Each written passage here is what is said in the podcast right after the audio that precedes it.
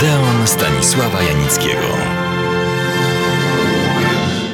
Obiecałem, że po sławnej wojnie i pokoju opowiem jeszcze o innych filmach amerykańskich z roku 1937. Przypomnę, że tę relację zawdzięczam pani Karolinie Bailey, która napisała wtedy obszerną korespondencję dla ówczesnego tygodnika Film. Dodam, że prawie wszystkie te filmy trafiły po wojnie na polskie ekrany. Głośnym filmem był przystanek autobusowy z Merlin Monroe w roli głównej. Przed laty pisano, że jest to niewybredna historyjka o cnotliwej Fordan serce z podrzędnego lokalu i jej przygodach w czasie podróży międzymiastowym autobusem. Nie miałby ten film takiego powodzenia, gdyby nie osoba Marilyn Monroe, której ślub ze znanym pisarzem i intelektualistą Arturem Millerem oraz szeroko reklamowane przejście na judaizm było ciągle jeszcze sensacją.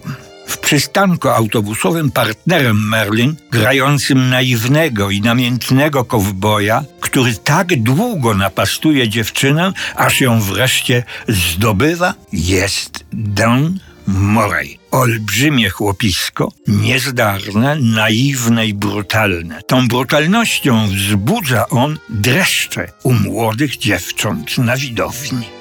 Czyni to samo w stosunku do mężczyzn zgoła niewybrednymi środkami.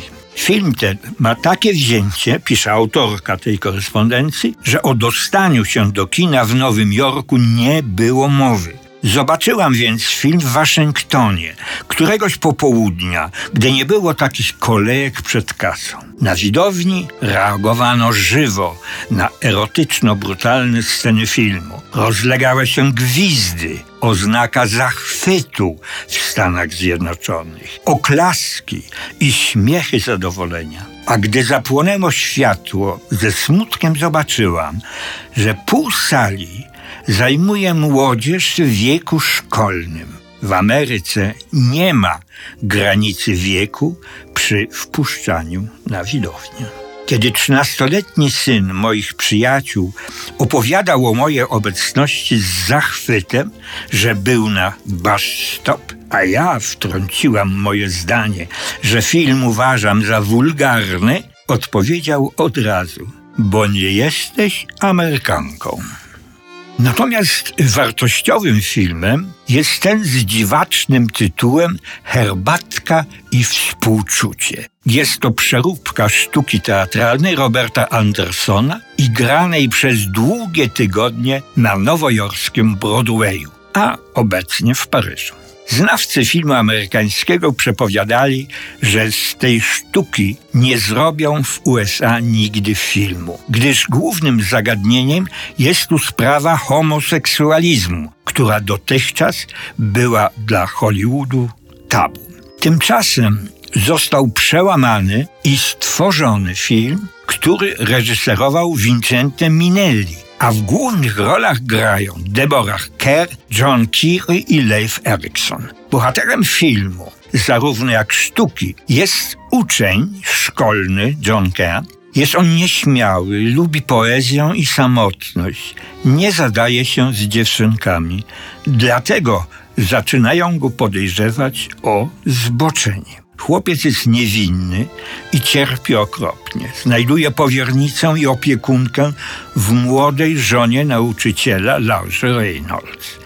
Zaniedbywana przez męża Laura również czuje się samotna i lgnie do miłego i subtelnego chłopca. Oczywiście doprowadza to z kolei do niesłusznych podejrzeń męża, nieporadnego i brutalnego, ale w gruncie rzeczy dobrego chłopa.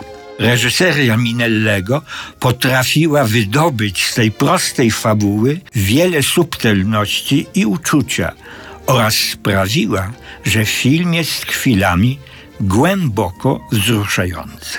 Ale najpiękniejszy ze wszystkich filmów, które widziałam w Ameryce, pisze autorka tekstu, to był oglądany w jednym z mniejszych kin nowojorskich Moby Dick. Treść jego zaczerpnięta została z klasycznej powieści amerykańskiej świetnego autora XIX wieku Melvilla pod tym samym tytułem Moby Dick. Jest to historia półobłąkanego kapitana niewielkiego żaglowca wypływającego na połów wielorybów. Kapitan gra go Gregory Peck utracił w młodości nogę przez białego wieloryba i od tego czasu żeglarza prześladuje myśl o tym, by tego właśnie olbrzyma własnoręcznie zabić. Jego mania prześladowcza daje się we znaki załodze statku. Załoga jest na morzu niejako w jego mocy,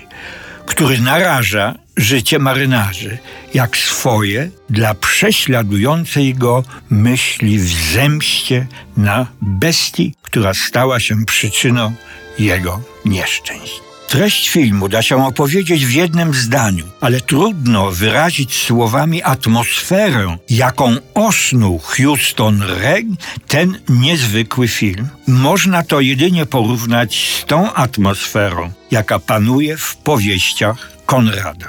Jest w niej surowy powiew oceanu, prostota ludzi morza, skomplikowane stosunki międzyludzkie i wielka, prawdziwa poeta. Moby Dick to film niezapomniany dla widza.